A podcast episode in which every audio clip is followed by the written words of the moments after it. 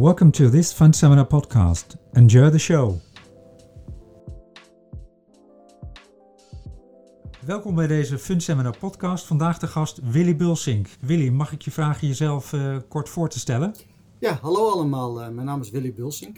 Ik ben fund manager van Triodos Investment Management. Samen met mijn collega Greg Blackie uh, zijn we verantwoordelijk voor het Triodos Groenfonds en Triodos Emerging Markets Renewable Energy Fund. Een hele mond vol. Daarom zal ik ook in de rest van deze podcast over Temref hebben. Dat is, klinkt wat beter, denk ik. Timref, ja, dat klinkt, uh, klinkt me goed in de oren, duidelijk. Vast en zeker is de naam al bekend bij de luisteraars, maar kun je een korte profielschets geven van uh, wat Triodos Investment Management doet?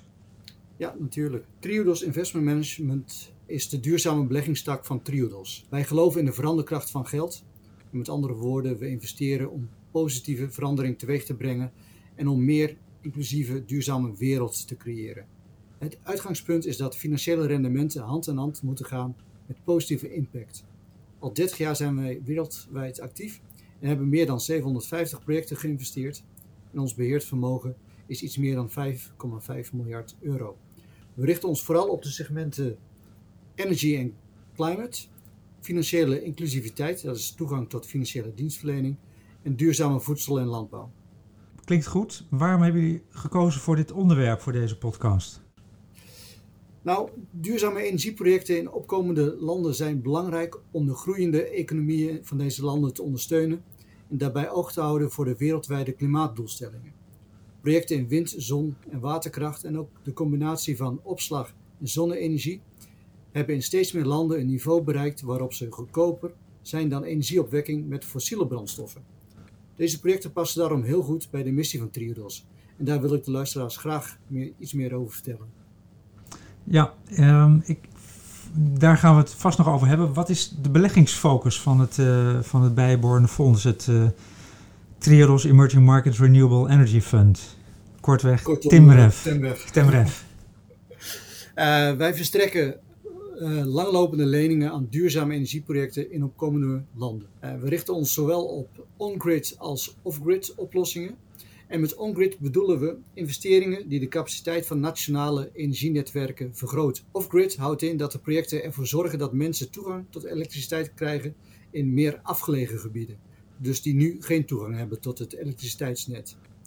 Hier wordt dan een zelfstandig draaiend mini-netwerk aangelegd Vaak is dat uh, een zonnepark met energieopslag. De projecten waar we in investeren maken gebruik van bestaande technologieën en zijn verspreid over zon, wind en waterkracht. Daarnaast zijn wij wereldwijd actief, uh, zowel in Azië, Oost-Europa, Afrika en ook Latijns-Amerika.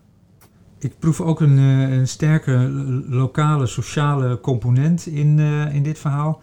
Kun je schetsen welke impact het fonds heeft? Ja, Temref creëert op verschillende manieren impact. In eerste instantie zijn we gericht op het vergroten van de duurzame energie in de energiemix van ontwikkelingslanden. Daarnaast hebben we als doel om de toegang tot betaalbare, schone energie in opkomende markten te vergroten. Dit is belangrijk voor economische en sociale ontwikkeling in een bepaald gebied. Denk dan bijvoorbeeld aan ondernemers die kunnen groeien, ziekenhuizen die medische apparatuur kunnen aansluiten en een betere veiligheid voor de bevolking door aanleg van straatverlichting. Maar we gaan verder dan dat. Eh, we spreken met elk project hoe we de lokale bevolking nog meer kunnen ondersteunen door middel van community development programs.